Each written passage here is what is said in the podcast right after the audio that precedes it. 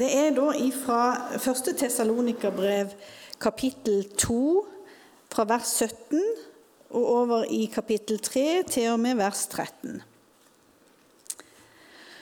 For en kort tid ble vi skilt fra dere søsken, som barn fra sine foreldre. Dere var ute av øye, men ikke ute av sinn. Men vi lengtet etter dere og håpet inderlig å kunne se dere ansikt til ansikt. Derfor ville vi besøke dere, og jeg, Paulus, forsøkte både én og to ganger, men Satan hindret oss. For hvem er vel vårt håp, vår glede og vår seierskrans om ikke dere? Når vår Herre Jesus kommer og vi står for Hans ansikt, ja, da er dere vår ære og vår glede. Da vi ikke lenger holdt dette ut, bestemte vi oss for å bli alene igjen i Aten og sendte Timoteus til dere, vår bror og Guds medarbeider i tjenesten for Kristi evangelium. Han skulle styrke dere i troen og oppmuntre dere, så ingen skulle vakle under denne motgangen. For dere vet jo selv at dette er lagt på oss. Da vi var hos dere, sa vi dere på forhånd at vi skulle møte motgang. Slik gikk det også, som dere vet og fordi jeg ikke holdt ut å vente lenger, sendte jeg ham til dere. Jeg måtte få vite hvordan det står til med troen deres, om fristeren hadde klart å friste dere slik at vårt arbeid hadde vært forgjeves. Men nå er Timoteus nettopp kommet tilbake fra dere med godt nytt om deres tro og kjærlighet. Han forteller at dere stadig husker på oss med glede og lengter etter å se oss, akkurat som vi lengter etter dere. Og slik, søsken, har deres tro gitt oss trøst i vår uro for dere midt i all vår motgang og nød. Nå lever vi siden dere står fast i Herren.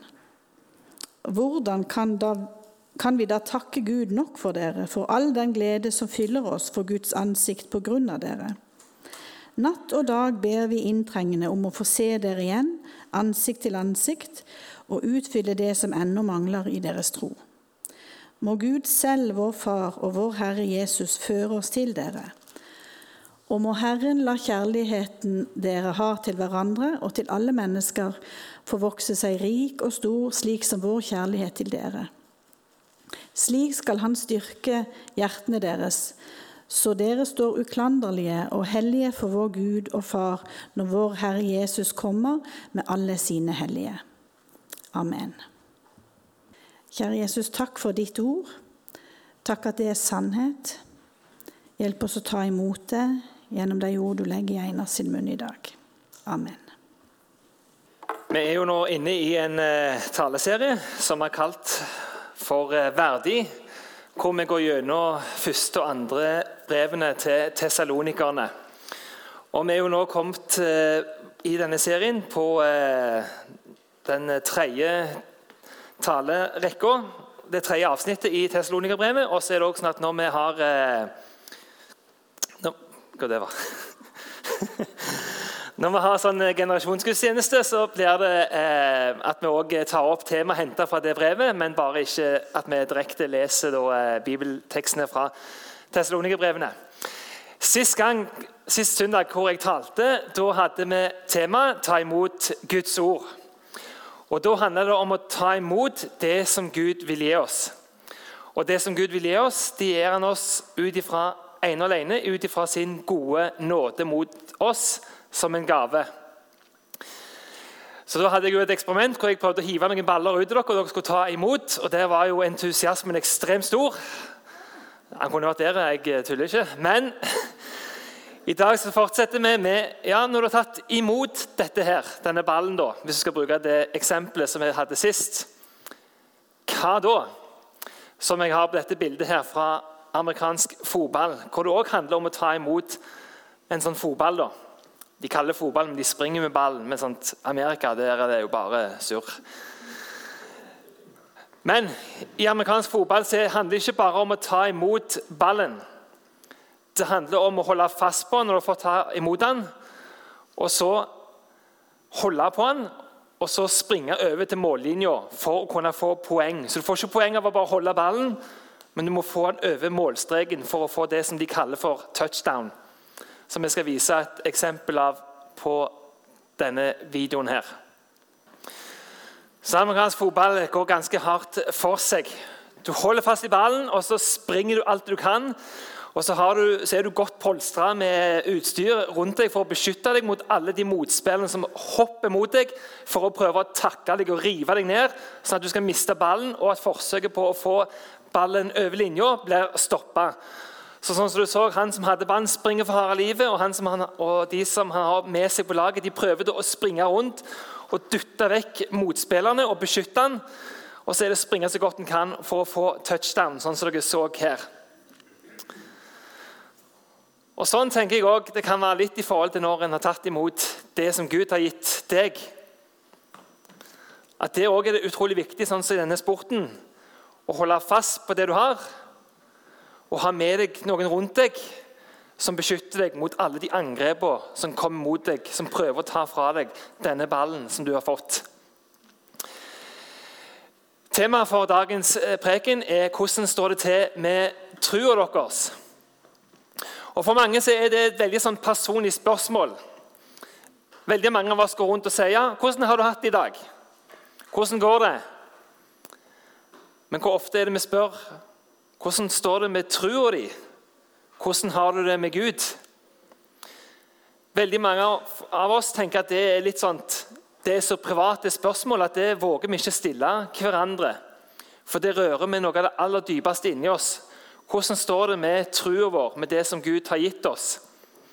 Og En sier gjerne ofte, iallfall eh, populært litt, at trua er en privatsak.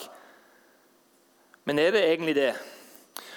Og i forhold til det som jeg har snakket om nå, er det sånn at den trua som vi har fått ta imot, kan vi miste den?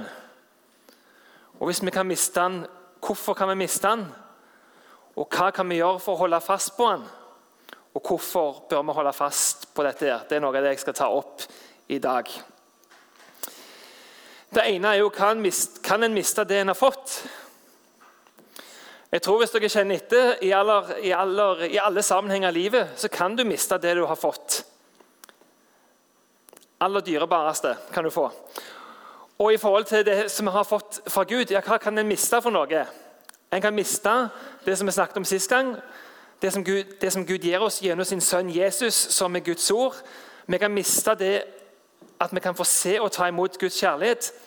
Vi kan miste det som heter ny identitet, som vi får ved å ta imot Jesus når vi blir Guds barn.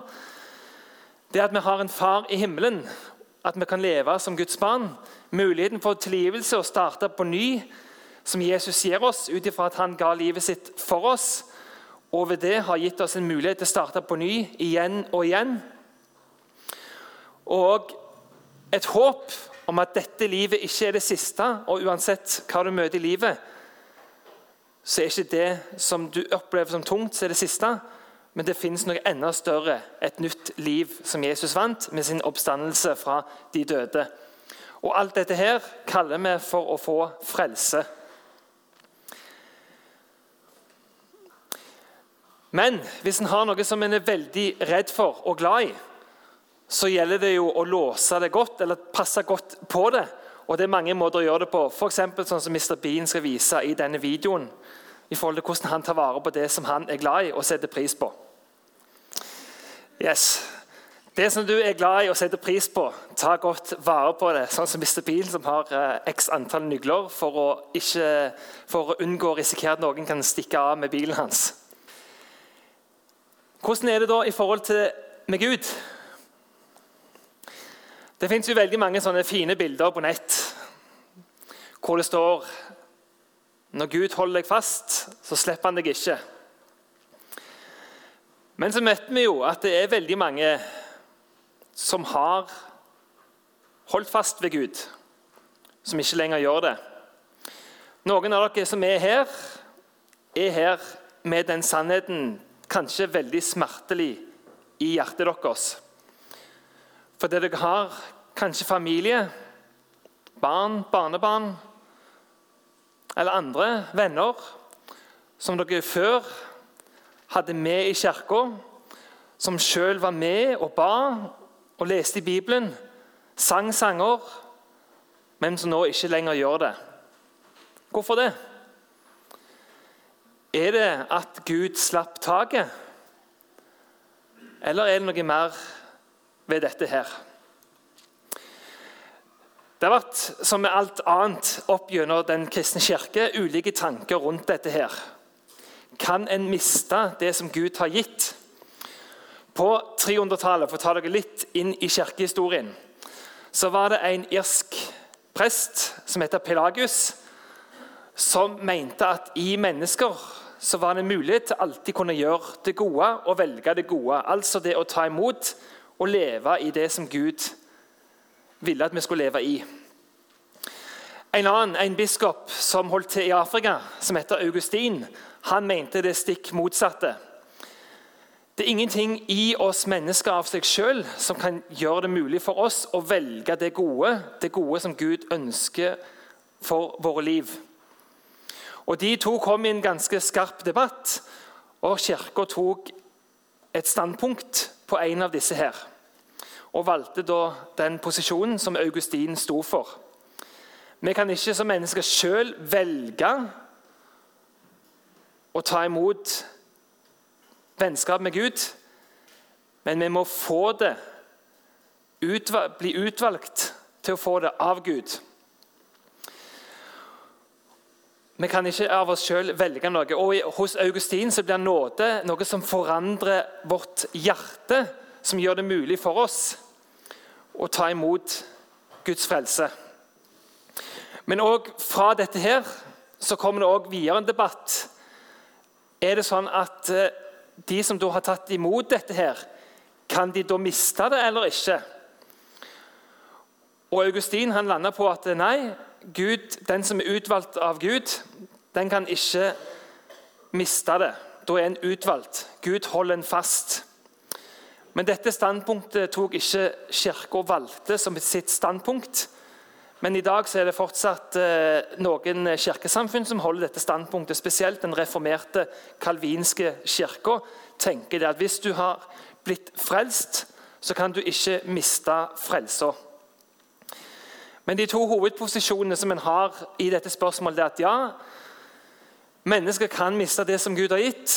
Og det andre er at Gud holder en fast, så mennesker kan ikke miste trua. Så hvis det er noen som mister trua, så ville det være fordi en i utgangspunktet ikke var utvalgt. Så Gud utvelger noen til å bli frelst, og Gud utvelger noen andre til ikke bli frelst. Igjen, Det standpunktet ble avvist av kirka på 300-tallet, men igjen, det er enkelte kirkesamfunn som holder dette i dag. Og Hvordan skal en tenke om det nå?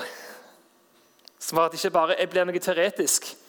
For igjen, vi vet jo og kjenner jo folk blant oss som ikke lenger sier de tror på Jesus som de gjorde før. Hvordan står det til med trua deres? Det er det som er utgangspunktet for disse brevene som Paulus, Silvanus og Timoteus sendte til Tessalonika-menighetene. Hvordan står det til med trua deres? I andre brev i, som eh, eh, Paulus har vært involvert i, så kan en se tydelig at når en snakker om hvordan det står med trua, så handler det om å ha en rett forståelse av hva det vil si å være en kristen. Og Da er det spesielt i forhold til må den som er kristen, bli sånn som jødene, som var de første som fulgte Jesus? Må en omskjære seg? Må en følge alle de jødiske skikkene? Eller kan en velge å være en kristen uten å måtte bli jøde først? Det er det som er tema for de fleste andre brev med Paulus når en snakker om hvordan det står med troa deres.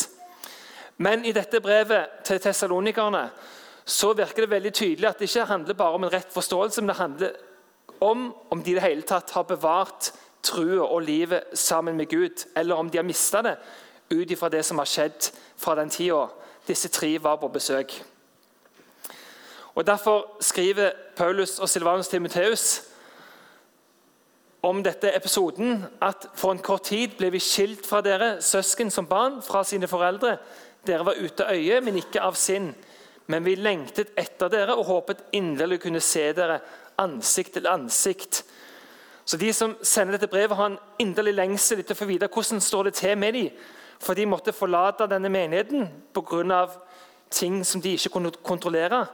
De ble revet vekk ganske dramatisk, som, han, som de beskriver. Akkurat som foreldre skulle blitt revet vekk fra sine barn. Og så er det at De sender da en av dem til å dra på besøk til Tessalonika-menigheten for å sjekke hvordan det står til med dem. Og Det er jo Timoteus som gjør det, den yngste av dem. Og Han kommer jo tilbake med godt mot og sier at de har bevart trua. Det arbeidet som vi har gjort, er ikke forgjeves. De holder ennå fast ved Jesus. Og Da er svaret for de som har sendt dette brevet, hvor de blir så glad at ja, nå lever vi, siden dere står fast i Herren. Så mye betydning hadde det for de som sendte dette brevet, at de hadde holdt fast ved trua. Ja, det ga de liv når de fikk høre fra Timoteus at ja, menigheten holder ennå fast ved trua. Hvordan kan en miste det en har fått? Hva er det de var som bekymra for? Hvordan kunne, hvordan kunne, det skje at de skulle ha mista trua? Og Noe av det som er den største årsaken til å miste trua, er dette med press og forfølgelse. Og Det skriver Paulus, Timoteus og Silvanus om i det avsnittet som vi leste sist søndag, hvor de skriver om dette her. Der skriver de i kapittel 2, vers 13 og 15. Dette ordet er virksomt i dere som tror, for deres søsken har fulgt eksempelet fra Guds menigheter i Judea, de som er i Kristus Jesus. Dere har måttet tåle det samme fra egne landsmenn som de har måttet tåle fra jødene. De som drepte Herren Jesus og profetene, og som forfulgte oss. Ganske voldsomt skrevet, men det med den erkjennelsen om at eh, de menighetene som lå i Judea, de ble forfulgt fordi de valgte å tro på Jesus. Og Paulus Silvanus Timoteus sier at det vil også de som var i Tessalonika-menighetene, oppleve. Det står jo her jødene, men en kunne også gjerne skrevet judeerne. For det handler om spesielt de som bodde i Sør-Israel, i Juda, som tok sterkest avstand fra Jesus som Guds sønn. Men med det valget som en tok, så fulgte det en negativ konsekvens for de menighetene i Judea, men også for menighetene i Tesloniker. De opplevde nå et nytt press og en utfordring i forhold til det valget de tok. Mange tenker at hvis en blir kristen, så løser jo alt seg. Da, liksom, da skal liksom bli, livet bli så mye enklere på alle måter. Men det er ikke det for veldig mange. Det finnes to organisasjoner eh, som primært setter fokus på dette. her, Åpne dører og Stefanus-alliansen. Stefanus er oppkalt etter han første kristne Jesus-disippelen som skal ha blitt drept for å velge å følge Jesus. Han ble steina til døde, som du kan lese om i apostlenes gjerninger. De tar og setter fokus på de menneskene og gruppene som i dag opplever sterkt press fordi de velger å være kristne. En snakker ofte om ordet 'genocide' eller folkemord. Men visste du at det første folkemordet det var pga. en forsøkte å utrydde en kristen nasjon, Armenia? Før andre verdenskrig var det nesten 1,6 armenianere som ble systematisk drept av det ottomanske riket under første verdenskrig. Og Det går en historie om at når Hitler la fram sin plan om å forsøke å utrydde jødene, hvor de konfronterte med men hvordan skal du kunne slippe unna dette, her, så var hans svar at ja, hvem husker det som skjedde med armenianerne? Ingen. Og Sånn tenkte Hitler òg det skulle bli i forhold til jødene. Og Dessverre er det òg sånn enkelte plasser i verden at en har faktisk glemt at seks millioner jøder ble systematisk drept under andre verdenskrig. Historien husker ikke alltid godt. Og i dag Det er ikke mye fokus på nyhetene, men det pågår nå en dag en invasjon av Aserbajdsjan mot Armenia. Hvor de har også stansa all nødhjelp inn til landet. Og hvor de armenianerne, som hovedsakelig er kristne, er redd for at det er et nytt forsøk på å utrydde en kristen gruppe fra dette området i denne verdensdelen. Det kan du gjerne lese om og eh, søke opp på nett etterpå. Men det er veldig lite fokus om dette som nå skjer, hvor hjelpeselskaper er veldig fortvila, for de får ikke sendt inn hjelp fordi alle veier blir stoppet av Aserbajdsjan og de andre som kriger mot dette landet nå. Og dere som er unge, som er på skolen, vet nok òg hvor vanskelig det kan være noen ganger å være en kristen. Uten å be dere rekke opp hånda, så vil jeg tro at dere er nok ganske alene i klassen. Kanskje er du den eneste som går vanlig i kirka, som ber til Jesus og sier at du tror på Jesus, og ikke bare lever for deg sjøl. Kanskje er du bare den eneste i klassen, kanskje dere er to, men dere er uansett veldig få. Sånn var det òg når jeg gikk på skolen i ungdomstida. Det var bare jeg i den klassen der. Men da jeg var yngre, så betydde ikke det så mye. For da tenker du ikke på samme måten. Da er du litt sånn frimodig, og du bryr deg ikke så mye om hva andre mener. Men når du kommer i ungdomstida, så får mer og mer det bety hva andre tenker, og hva andre syns om deg. Og det blir vanskeligere og vanskeligere å være en kristen. Og av de som kommer til å miste trua, så er det dessverre blant de unge blant oss. Og det er smertelig. Jeg visste ikke om jeg skulle nevne det, men jeg nevner det likevel, så får dere dømme meg ut ifra det. Men i dag så hadde vi et dilemma her i kirka. Vi hadde ikke nok folk til å ha et eget tilbud til de som er i dag tweens, de som er 5. til 8. klasse. Jeg tenkte egentlig at jeg skulle velge å heller ta det, og så måtte jeg finne en annen løsning til dere voksne. Enten andakt på video, eller at dere får heller lese en lengre bibeltekst.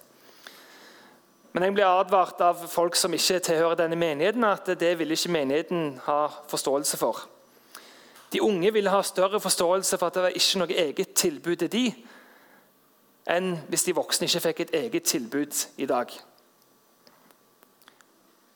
Hvem er det som mest trenger å høre det for å bli bevart i trua og livet med Jesus i dag? Årsaken til at kristne blir forfulgt, er fordi at de blir identifisert med Jesus, som mennesker ikke alltid ønsker, eller ofte ikke ønsker. Og Det visste jo spesielt han ene av de som sto bak dette brevet til tessalonikerne, han som heter Paulus. For han hadde sjøl vært en som ikke likte det som Jesus sto for. Som ikke likte den forandringen som Jesus skapte i denne samfunnet. Og som derfor, når han ikke fikk tak i Jesus sjøl, fordi han hadde jo fort opp til himmelen, forsøkte da å ta livet av de som var kristne. Så Kristne ble forfulgt fordi de ble identifisert med Jesus og med hans lære. Og Paulus, som var en av de sjøl som gjorde dette, her, skriver jo utrolig sterkt i slutten av i det avsnittet vi leser, hvor han har gått fra å være en til en som sjøl bekjenner Jesus som Gud. Hvor han skriver må Gud selv, vår Far og vår Herre Jesus, føre oss til dere. Dere bruker dette Herre på Jesus var jo uhørt for de som var jøder. Det hørte eksklusivt til Gud som hadde skapt verden, og han kunne ikke deles i flere personer, som vi kristne tror. En Gud som viser seg for oss som Jesus, som en som har skapt oss som far, som far og skaper, og som Den hellige ånd. Og Han som selv forfulgte de kristne, skriver nå og identifiserer Jesus som Herre. Og For de som ikke var jøder, så var det òg uhørt. Det var en tittel som hørte til, til keiseren, som en skulle knele for på denne tida, hvor Romerriket styrte store deler av verden. Og det at vi kristne velger å ha en annen herre i våre liv, og dermed velger å leve på en annen måte enn de som ikke har Jesus som herre i sitt liv, det provoserer samfunnet som vi er del av. For samfunnet vil jo at alle sånn sett skal tenke likt og leve likt. Samfunnet har ikke stor aksept for at en skal være annerledes. Og Det er det veldig stor press på i dag, at en skal være politisk korrekt, som vi gjerne kaller det. Og Hvis det er noen grupper som stikker seg ut og sier noe annet, og lever på en annen måte, så følger det press med det. Og Andre grunner som gjør at kristne kan miste trua, som en gruppe som heter Barna Group eh, har listet opp, det er at en ikke opplever at det er noen kobling mellom tro og liv. Og Der er det et stort ansvar for oss som voksne å kommunisere sant og rett om hva det betyr å være en kristen. En kristen er ikke en quick fix. Det løser ikke alt, men det gir en annen dimensjon over livet som gjør det verdt å holde fast ved. En annen ting er at Trua virker ikke grunnfesta. Trua virker bare overfladisk på de som mister trua. Så Det handler om å gi dem en sann og mulighet for å få en grunnfesta tro. Det at vitenskap og tro oppleves i strid med hverandre, oppleves også vanskelig. Og det er det ikke. Sann vitenskap og sann tro står ikke i strid med hverandre. De svarer på forskjellige spørsmål. Vitenskapen hvordan og hva. Trua hvorfor. Og at det ikke gis rom for å leve med tvil. Han tenker at ja, Hvis du skal være kristen, da kan du ikke ha tvil. Men det, tvil og tro går sammen. For vi har ikke svar på alt, men til tross for det så velger en å tro ut ifra det en vet og kan. Hvordan hjelpe hverandre å ta vare på det en har fått? Og Det handler veldig mye om å ta vare på hverandre. Det handler ikke om å ta vare på seg sjøl, ta vare på hverandre. Og Det å vise omtanke for hverandre. Og Det er det Paulus, Silvanus og Timoteus gjør med brevet som de sender til Tessalonika-menighetene. Hvor de skriver om sin omtanke i kapittel 3, vers 10 at natt og dag ber vi inntrengende om å få se dere igjen, ansikt til ansikt, og utfylle det som ennå mangler i deres tro. En utrolig omtanke for menigheten som de hadde vært med å starte, og for de menneskene. De tenkte ikke ja, de får bare finne seg sjøl, men de brydde seg virkelig om hverandre og ville hverandre vel. Ville hjelpe hverandre til å holde fast ved trua på Jesus så er spørsmålet hvordan er vår omsorg og omtanke for hverandre? Hvordan er den? Og, det, og Ved å ha omtanke så er det ved å velge kjærligheten. Og Paulus skriver om kjærlighet at det er en, ikke en lettere vei, men en bedre vei. Kjærligheten er ofte veldig vanskelig å velge. Ofte er det, mye, det er mye lettere å la være å elske. Men Jesus sjøl valgte å elske. Han valgte å elske de som ikke elsker han. Han valgte å gå den vanskelige veien for de menneskene som hater han. Han valgte å tilgi de som slo han og korsfesta han. Kjærlighetens vei er en vanskeligere vei. For det som Paulus skriver videre, den søker ikke sitt eget, men den setter alltid de andre foran seg sjøl. Og det er jo det Jesus gjorde. Jesus kom ikke som en herre som, hvor, alle, hvor, det handler om at alle skulle gjøre noe for han, men Jesus kom for å tjene andre. Og så blir vi òg utfordra på sjøl ved å velge kjærlighetens vei. Ved å tjene andre mennesker, ved å sette andre foran oss sjøl. Ved å ikke tenke på våre egne preferanser først og fremst, men å tjene andre. Og Vi som kristne er dessverre ikke bedre enn andre på dette. her. Vi velger òg sjøl våre egne preferanser oftest mulig. Men kan vi bli utfordra i større grad til å velge kjærligheten som Jesus har vist oss, i forhold til hvordan vi møter og tar vare på hverandre, og hvordan vi er som menighet? Da står vi sammen uansett hva som møter oss, fordi vi velger kjærligheten. Og Det å pleie fellesskap med Jesus for å ta vare på trua for det at Å leve en kristen tro er ikke noe som handler om å ha de rette svar på de rette spørsmål. Det er en personlig relasjon, et personlig vennskap sammen med Jesus. Det er et vennskap, et forhold, som en pleier ved å bruke tid med Jesus. Sånn at en kan få en tro som bærer gjennom det som en møter i livet. For det er jo det jeg mener at tro kan gi oss. Noe som kan bære oss når det blir vanskelig.